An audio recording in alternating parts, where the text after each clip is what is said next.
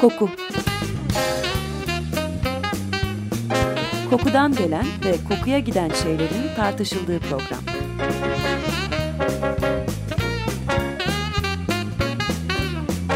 Hazırlayan ve sunan Vedat Ozan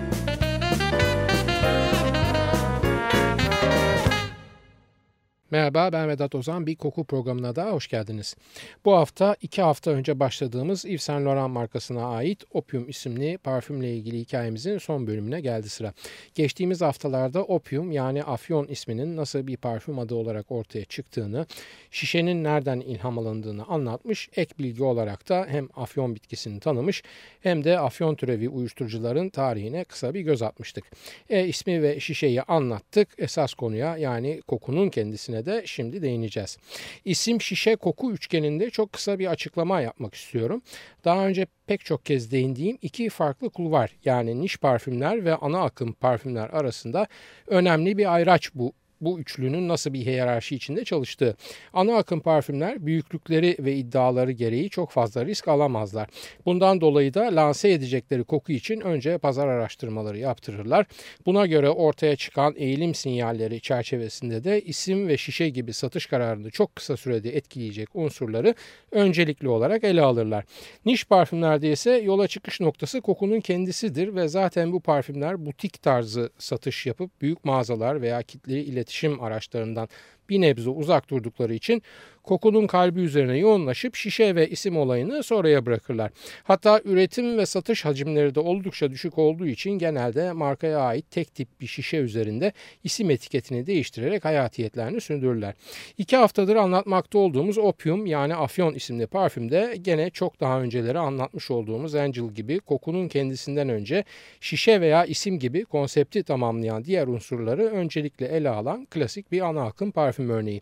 Ve tabii ki oldukça da başarılı bir örnek ana akım parfüm dünyasında. Zaten programımıza konu olması da bu yüzden. Evet geçen hafta bitirirken demiştik opium yani afyon baştan beri oryantal veya doğulu diye tanımlayabileceğimiz koku ailesi içinde yer alması öngörülen bir proje. Kendinden önce gelen Estee Lauder'ın Duvu veya ondan da önce piyasaya çıkmış olan Tabu isimli parfümleri model alıp Bunların üzerinde piyasaya sürüleceği döneme uygun değişiklikler yaparak farklı bir kokusal algı yaratmayı amaçlıyor. Çok anlattık biliyoruz bir marka bir parfüme karar verdiğinde kokusal beklentisini tarif ederek yani bir brief vererek Öncelikle koku üreten dev firmalarla temasa geçip kendilerinden öneri numuneleri talep eder.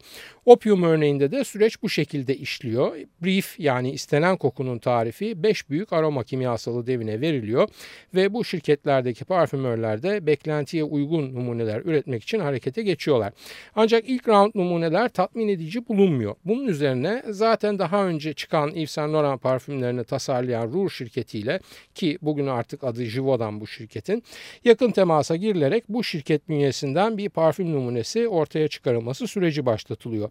İlk round numuneler tatmin edici bulunmuyor derken bu numuneleri hazırlayanlar ve reddedilenler arasında ilk yayınlardan birinde bahsettiğimiz ve yaşayan en büyük parfümörlerden biri olarak anılan Jean-Claude Elena da var. Elena bu numune ihalesi için ismin anlamına uygun hatta hiperrealist diye tanımlanan ve içeriğinde gerçekten afyon yani haşhaş notaları bulunduran bir parfüm tasarlıyor. Reddedilen bu parfüm örneğinin ne olduğunu bilemiyoruz çünkü Elena'nın daha sonraki çalışmalarında afyon notasının kullanımına pek rastlamıyoruz. Evet aralarında Jean-Claude Elena'nın da bulunduğu pek çok parfümörün önerisi reddedilerek öneri sahibi şirketlerden biriyle daha derinle çalışma kararı alınıyor. Merak ediyor olabilirsiniz böyle bir parfüm ihalesi açıldığında seçilemeyen veya elenen koku numuneleri ne olur diye. Efendim bu kokular ya firmanın koku kütüphanesine kaldırılır ya da başka bir müşteriye sunulur. Genelde bu reddedilen parfümün sunulduğu yeni müşteri reddeden asıl markaya göre görece daha önemsiz ve daha küçük bir parfüm markasıdır. Türkiye'de veya ne bileyim Yunanistan'da bir yerel marka pazara koku sunmaya karar verdiğinde kendilerine bu reddedilmiş kokularda numune olarak gösterilir ve bundan da elbette satış beklenir. Reddedilmiş koku illa teknik olarak başarısız bir koku demek değildir. Sadece verilen koku tarifine uygun bulunmayan kokudur. O tarife bu koku uymuyorsa bu kokuya uyacak başka bir tarif elbette bir gün ortaya çıkar. Zaten bu reddedilen çalışmaların da günü gelir düşüncesiyle üretici firmaların koku kütüphanesine kaldırılma sebebi de budur. Bu büyük aroma kimyasalı üreticilerinin bir avantajı daha vardır bağımsız parfümörlerle mukayese edildiğinde. O da zaten koku kütüphanelerinde geliştirilecek hazır parfüm bazlarının mevcut olmasıdır. Yani pek çok ham parfüm taslağı hazır bir kenarda durur. Brief veya koku tarifi geldiğinde de bu büyük firmalarda çalışan parfümörler depoya inip bu bazlardan tarife uygun gibi görüneni seçip üzerinde değişiklikler veya ilaveler yaparak istenilen yöne doğru evrilmesini sağlarlar. Depo derken metaforik olarak söylüyorum. Aslında bugün için formüllerin bulunduğu bilgisayar dosyasını açmaları da elbette yeterli oluyor parfümörlerin. Çünkü onlar zaten parfümör olabilmek için ismini okudukları maddenin nasıl koktuğunu zihinlerinde canlandırabilmek zorundalar. Opium da aynen böyle bir çalışmanın ürünü ve bu nedenle tasarımcı olarak ona son şeklini veren Jean-Louis Siuzak ismi geçmesine rağmen onun yaptığı müdahalelere zemin hazırlayan bazın tasarımcısı Jean Amic'in de hakkını yememek lazım. Opium isimli parfümü oluşturan yapı taşlarına baktığımızda bu parfümün ana okuruna ilham veren ve aynı aroma kimyasalı devi Givaudan veya o zamanki ismiyle Rour'un geçmişte tasarladığı bazı başka parfümleri de görüyoruz. Bu tarihsel koku çizgisi Dana markasına ait 1932 yapımı Tabu isimli parfümle başlıyor. 1937'de piyasaya çıkan efsanevi Shocking ile devam ederek 1973'te Yardley markası için tasarlamış oldukları You're the Fire ile son buluyor. Ortak noktaları Rouge şirketinin ve parfüm okulunun daha önceki programlarda da isminden bahsettiğimiz efsanevi hocası Jean Carl'ın geliştirmiş olduğu bir patchouli ve karanfil çiçeği akorundan beslenmiş olmaları.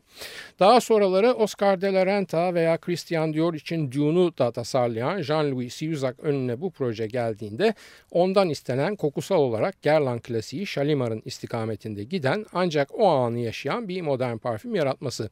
Baharatlı ve çiçeksi bir başlangıç öngörüyor bu nedenle Jean-Louis Suizak. Opiumun formülünün içine bol miktarda karanfil çiçeği ve kadife çiçeği koyuyor bu yüzden. Yanlış anlaşılmasın bu çiçeklerin asıllarının doğal hali değil Bunlara benzer ancak çok daha ucuza mal edilmiş simülasyonları elbette bu çiçekler yerine formüle giren. Bu baharatlara oryantal notalar ilave ediliyor çünkü Yves Saint Laurent'ın Çin'e yönelik tutkusu ekip tarafından zaten biliniyor. Hatta parfümün lanse edileceği yıl Yves Saint Laurent'ın özel dikim koleksiyonu da oldukça yoğun Çin motifleri taşıyor. Koku ham maddelerinin birbirinden kuvvet olarak farklı olması sonucu opium formülünün sadece %10'unu oryantal notalar oluşturmasına rağmen parfümden aldığımız aldığınız kokusal etki söz konusu olduğunda bu oran %50'ye çıkıyor.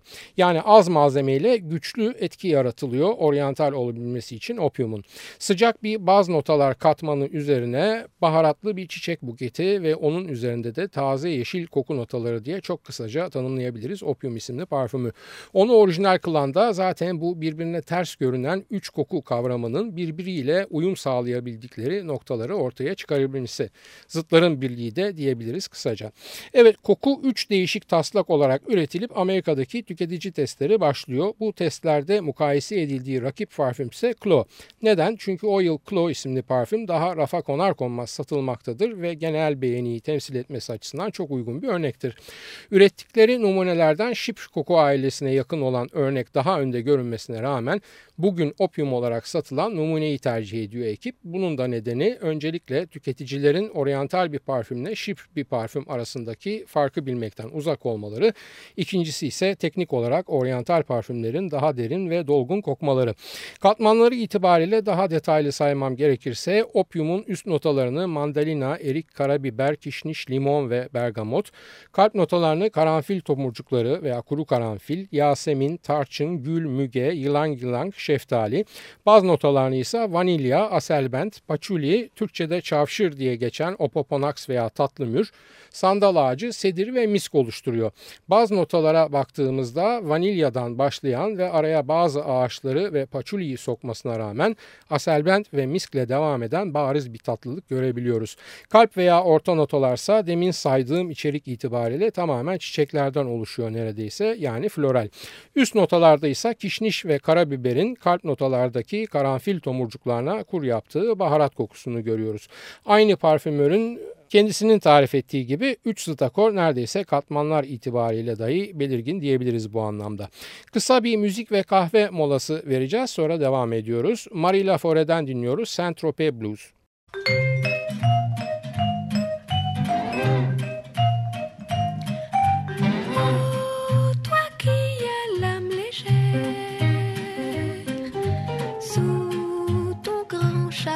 De paille.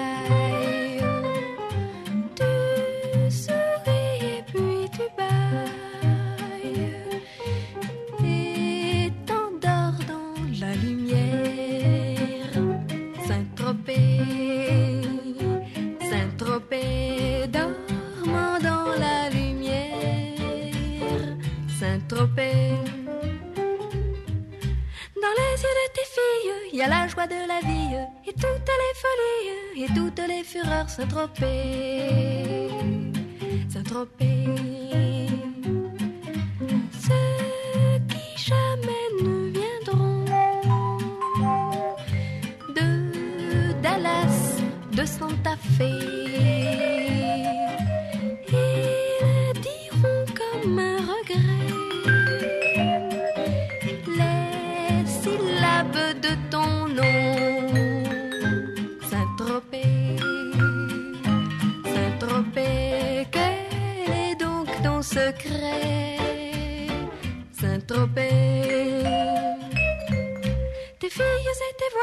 Tes voiles sous les étoiles, le soleil sur tes dalles, ta folle vanité Saint-Tropez, Saint-Tropez.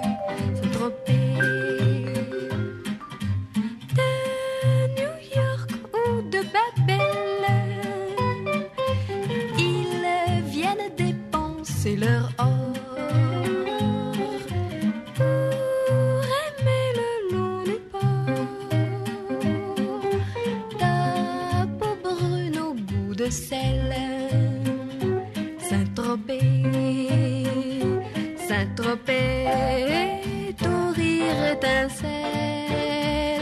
Saint-Tropez,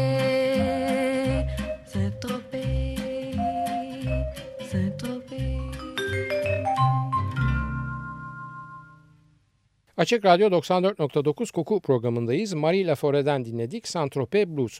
Okyanusun iki tarafında Amerika ve Avrupa'da kokunun konsantrasyonu konusunda da bir bariz fark var o güne değin. Tarihsel süreçte bakıldığında bir Fransız oda tuvaletinde alkolün içindeki konsantre oranı en fazla %6, %8 bilemediniz %10'a çıkarken Amerika'da mesela Chloe veya Charlie'de bu alkol içindeki koku konsantresi oranı oda tuvalet için %18 ile %20'ler civarında. Bu biraz da kullanım alışkanlığı veya parfümün hayatın içinde nasıl bir yer bulduğuyla da ilgili bir eğilim farkı. Fransızlar parfümü hayatlarının olmazsa olmaz bir parçası olarak kabul edip bu anlayışı parfüm sıkma ritüeline de indirgeyebiliyorlar ve bir gün içinde 3 veya 4 kez çantalarını açıp parfüm sıkabiliyorlar.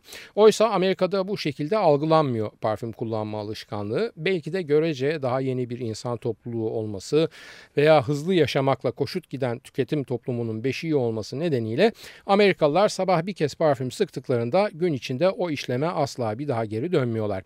Bir fıs ve iş tamam diye özetleyebiliriz bu yaklaşımı. Aslında bunun da başlangıcı ilginç çünkü opiuma model olduğundan bahsettiğimiz Estee Lauder'ın Youth Dew ile başlıyor bu alışkanlık. E, Youth Dew kendi burnunun da çok az koku aldığı bilinen Bayan Lauder'in parfüm olmadan önce vücuda sürülmesi için piyasaya sürdüğü bir banyo sonrası vücut yağı aslında ve yağ halindeyken içindeki konsantre oranı %70'ler civarında. Bu banyo sonrası yağının çok rağbet görmesi üzerine Youth Dew daha sonra alkollü ortama aktarılıp bildiğimiz oda tuvalete dönüşüyor ve %70 olmasa bile gene de %20'ler civarında bir konsantre içeriyor. Bu nedenlerle ve esas göz dikilen üretilen Amerikan pazarı ve oradaki petrodolarlar olduğu için Opium ekibi de Eau tuvaleti %19, Eau parfümü de %30 konsantreyle hazırlıyorlar. İşin ilginci hiç de Fransız olmayan bu uygulamaya Fransız hanımlar da bayılıyorlar ve o günden beri de özellikle prestij parfümleri kulvarında buna benzer bir anlayış eski düşük konsantreli anlayışın yerine geçmiş durumda. Yani yüksek konsantreli oda tuvaletlerin Avrupa'daki ilk yaygın adımını bu anlamda Opium isimli parfümle Yves Saint Laurent Laurent'ın attığını söyleyebiliriz. Evet efendim opiumun kokusu bu şekilde satışa hazır hale getirilirken işin şişe tarafında küçük bir sorun yaşanıyor. Yves Saint Laurent gene ruhsal çalkantılarla dolu bir dönemini yaşıyor o ara ve ne şişeyi ne de şişenin rengini bir türlü onaylamıyor. Gönlünden geçen camın üzerindeki kaplamanın tahta olmasıdır. Ancak ana şirket bu iş için plastik malzemeye çoktan 2 milyon dolar yatırım yapmış olduğunu sert bir şekilde belirtince o da gerçek koşulları kabullenmek zorunda kalıyor. Satıştan bir önceki aşamada şişe Inro şişesi gibi dizayn edilmiş ve ucunda da Inro'ların Netsuke'si gibi kordona bağlı bir tahta top sarkmakta. Plastiği değiştirmeye gücü yetmeyen Yves Saint Laurent bu aşamada müdahale ediyor ve şişeyi incelemekte oldukları bir gün odasına koşup o yılki giysi koleksiyonlarında aksesuar olarak kullandığı bir avuç siyah püskül getiriyor ve bunlardan birini kordonun ucundan sarkan tahta parçasının yerine takıveriyor. Arkasından şişenin kapağını bir boy büyük bir kapakla değiştirip yerine oturması için de altın rengi bir kurdele doluyor tam ağzına. İşin kötüsü ilk haliyle onaylanmış şişeler çoktan fabrikada doluma girmiştir bile. Bu nedenle de ilk üretilen opyumlar şişe ağzında altın bir kurdele olmadan satılıyor. Satılıyor da nasıl satılıyor? Evet markanın sahibi nispeten tutucu Squip şirket yönetimi afyon anlamına gelen opyum kelimesinin bir parfüm ismi olmasına ikna olmuş gibi görünse de son anda gene taş koyuyor ve opyumun önce Avrupa'da satışa sunulup sonuca göre Amerikan pazarına girilmesine karar veriliyor. Sonuçta Ekim 1977'de Fransa'dan başlayarak Avrupa'da satışa sunuluyor opyum. Raflara konduğu andan itibaren de çılgınlar gibi satılmaya başlıyor. Tezgahlarda oda tuvalet kalmadığında insanlar fiyat farkına bakmadan oda parfümünü alıyorlar. Biraz da pazarlama taktiği gereği çoğu müşteri mal kalmadı diye geri çevrilerek talep iyice gerginleştiriliyor vesaire. İlginç bir ayrıntı talep o kadar fazla ki arada birkaç opyum yüklü nakliye kamyonunun çalındığı bile kayda geçmiş. Bu yüksek talep karşısında şirket sahipleri 1978 senesi için planladıkları reklam bütçesinde bile kısıntıya gidiyorlar. Çünkü satış sorunu yok. Bilakis üretim talebe yetişemez bir durumda. Özetle 3 ile 5 yıl arasında e, bir süre içinde elde edecekleri gelire yönelik tahminleri bir yıl içinde gerçekleşiyor ve bu da tabii Amerika pazarının tepesine oturan marka sahibi Squip şirketini koltuğunda hop oturtup hop kaldırıyor. Zaten isme karşı alerjileri bitmiş ürün ve şişeyi görünce hayranlıkla yumuşayı veren Squip yönetimi Avrupa'daki çılgın satış rakamlarını da duyunca artık petrodolarlarında el değiştirme zamanı geliyor. Bir küçük not Squip şirketi Avrupa'daki opium kasırgasına rağmen parfümü ABD pazarına sürmekte biraz gecikince New York'un ünlü Bloomingdale mağazası Avrupa'daki toptancılar vasıtasıyla kara borsa değil de gri borsa diyebileceğimiz bir şekilde opium toplayarak ithal ediyor ve bu yarı yasal opium şişelerini raflarına koymaktan son anda zar zor vazgeçirilebiliyor. Eylül 1978'de yani Fransa'da başlayan Avrupa lansmanından yaklaşık bir yıl sonra opium Amerikan kıyılarına vuruyor. Kıyılara vuruyor diyorum çünkü hala üzerinde konuşulan ilk lansman partisi Manhattan'da arkadan Brooklyn Köprüsü'nü gören manzarasıyla South Street Seaport limanında demirli Pekin isimli bir gemide verilen partiyle başlıyor. Geminin güvertesini, zemini, gül yaprakları ve pırıl pırıl payetlerle döşenmiş. Direklerden altın, kırmızı ve mor renkli ipek flamalar uçuşuyor. Çin fenerleri, Japon şemsiyeleri, sular gibi akan Bollinger şampanyaları, buzlu tabaklarda istiridyeler, halatların üzerinde üzerinde binlerce orkide o güvertesenin bu güvertebenin performans sergileyen Çinli akrobatlar ve dansçı kızlarla bu gemi bütün gece boyunca içindeki davetlileri çılgınca eğlendirerek kıyı boyunca dolaşıyor. Gemide bir de halılarla döşenmiş ve ağırlıkla Çin olmak üzere dünyanın çeşitli yerlerinde bir keyif verici uyuşturucu olarak afyon içim odalarını sembolize eden ve gene içinde dev boyutta altın renginde bir Buddha heykelinin yer aldığı tabiri caizse bir de keşhane var. Partideki konukların isimleri de bu şaşa ve dekadans tablosuna kompliman yapacak kadar ünlü isimler. Ben size sadece Kaptan Köşkü Köşkü'ndeki dümenin başında Truman Capote'un bulunduğunu söyleyeyim. Gerisini artık siz tahmin edin. E, elbette bu görkemli ve oldukça yüksek ses getirecek bir lansman partisi oluyor. Ama ses getirecek derken o ses hep de aynı tonda gelmiyor. Ertesi günden başlayarak ülkedeki bütün etnik Çinli örgütleri ayağa fırlıyorlar ve binlerce kişinin katıldığı protesto yürüyüşleri gerçekleşiyor. Peki Afyon deyince neden veya opium deyince neden bütün Çinliler ayağa kalkıyor? İşte tam burada tarihin sayfalarına bir kez daha geri dönüyoruz. 19. yüzyılın başında Britanya İmparatorluğu hala üzerinde güneş batmayan imparatorluk konumundadır. Bütün dünyanın ithalat ve ihracatı krallık tarafından özel lisans verilmiş şirketler tarafından gerçekleştirilmekte. Hindistan'dan ipek ve baharat, Çin'den çay alınıp Avrupa ve Amerika'ya pazarlanmaktadır. Bu ticaretin yürütülmesi için gerekli deniz ve karayolu yolları da tahtın varlığını bu şirketlerin varlığıyla koşut gören Birleşik Krallık tarafından kontrol edilmekte. İmparatorluğun dış politikası da dolayısıyla bu merkez etrafında şekillenmektedir. Dönemin en büyük emperyal sömürgeci devletidir yani Britanya İmparatorluğu. Ancak hep de dövüp sövüp alamazsınız yamalları çoğu kez de düşük bedelle de olsa maddi tutarının ödenmesi gerekmektedir bu ürünlerin. Çin'den satın alınan çay ve ipeklerin bedeli de buna uygun olarak gümüş külçelerle ödenir.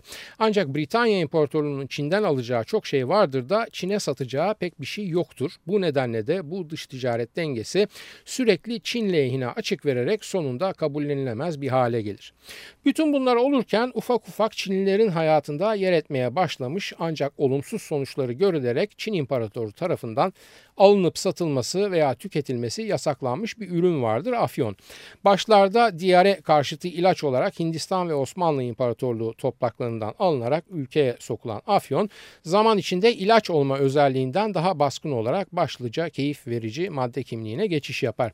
Tüketiminin cezası Çin İmparatorluğu'nun fermanı gereği ölüm cezası olmasına rağmen yaratmış olduğu bağımlılık nedeniyle bu ölümü bile göze alacak kadar afyon isteklisidir Çinliler. E böylesine aç ve hazır bir pazar varken zaten Çin'le olan ticaret dengesi eksilerin dibinde dolaşan Britanya İmparatorluğu bu fırsatı kaçırır mı? Aldıkları çay karşılığında Çinli işbirlikçilerine el altından afyon satmaya başlar İngiliz tüccarlar. Böylece çay ve diğer mallar için ödenen gümüş külçe ve sikkeler misliyle anında geri dönmektedir. Öyle el altından dedim diye bir kese iki kese afyon falan sanmayın. İki ülke arasındaki para alışveriş dengesini de tersine değiştirecek miktarlardan bahsediyorum sandıklar dolusu ve o sandıkların taşındığı gemiler dolusu afyon yasak olmasına rağmen Britanya İmparatorluğu tarafından Çin'e sokulmaya başlanır. Biraz daha kesin veri olarak 1830'lar itibariyle yaklaşık 30 bin sandık afyon diyorum yani. Rıhtımlardaki Çinli görevliler e, ayni veya nakdi rüşvetle susturulup sandıklar Çin'in içlerine doğru el değiştire değiştire yol alır ve her el değiştirmede de elbette karlar misliyle katlanır. Net bir illegal uyuşturucu ticareti tablosu konusudur. Bu sizin de gördüğünüz gibi. Ancak Çin İmparatoru da bunlardan bir haber değildir elbette.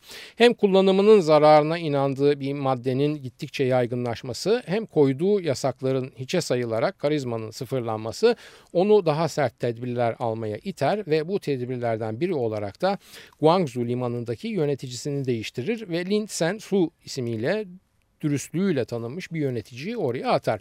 Lin göreve gelir gelmez manzaranın çürümüşlüğünü fark eder, mevcut gümrük ve liman görevlilerini kovar ve ilk iş olarak limandaki İngiliz ticaret gemilerindeki mallara el koyar. El koyduğu malları da yaktırır. Hukuki gerekçesi de gayet mantıklıdır. Zira bu gemilerdeki mallar yani afyon sandıkları Çin'e sokulması yasak olan mallardır. Zaten Çin'e afyon dışında sattıkları veya oradan aldıkları mallardaki yüksek vergilerden de şikayetçi olan Britanya İmparatorluğu'nun sonunda buna cevabı savaş gemilerini yollayarak kıyıdaki Çin şehirlerini topa tutmak olur. Aslında savaş gemisi diyorum ama o dönem zaten her İngiliz ticaret gemisi aslında bir savaş gemisi ve topu tüfeği eksiksiz olarak dolaşıyor dünya sularında. Topların, güllelerin ve görece daha modern batılı silahların karşısında Çinliler korkunç bir hezimete uğrarlar ve Britanya İmparatorluğu'na boyun eğip şartlarını kabul etmek zorunda kalırlar. Birinci Afyon Savaşı diye de geçen bu savaştaki insan kayıpları hakkında hakkında birkaç rakam vereyim. E, iki taraf arasındaki teknoloji farkını daha iyi görebilmeniz için. E, İngiliz tarafının kaybı 69 kişi, Çinlilerde ise 20 bin yakın can kaybı var.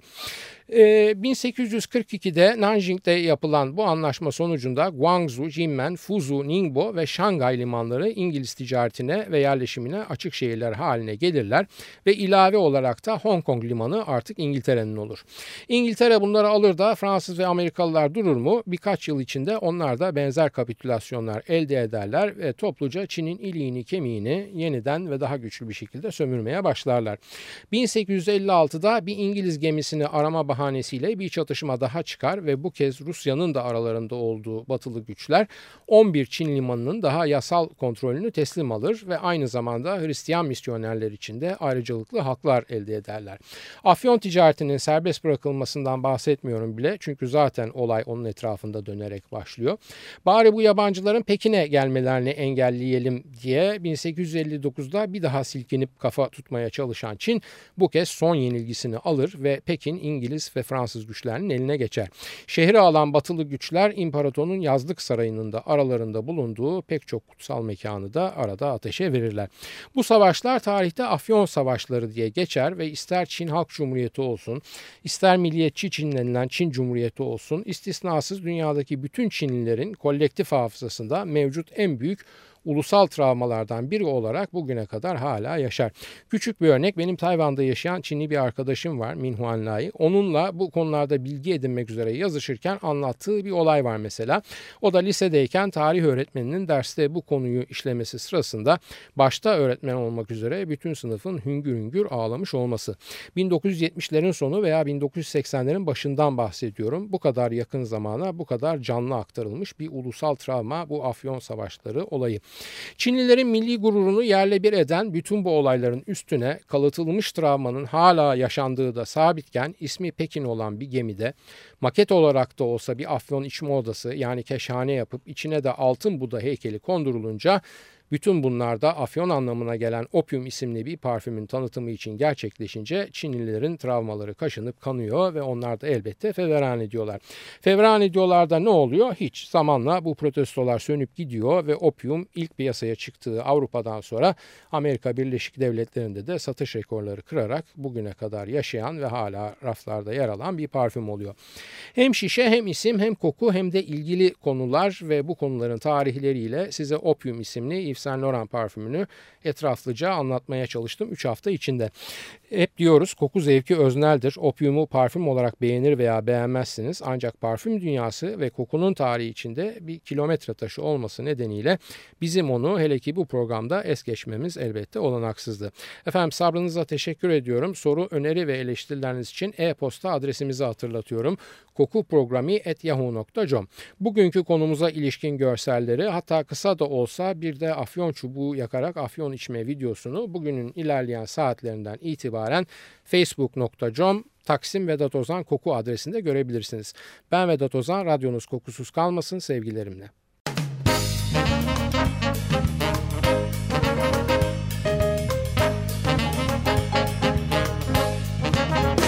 Koku Kokudan gelen ve kokuya giden şeylerin tartışıldığı program.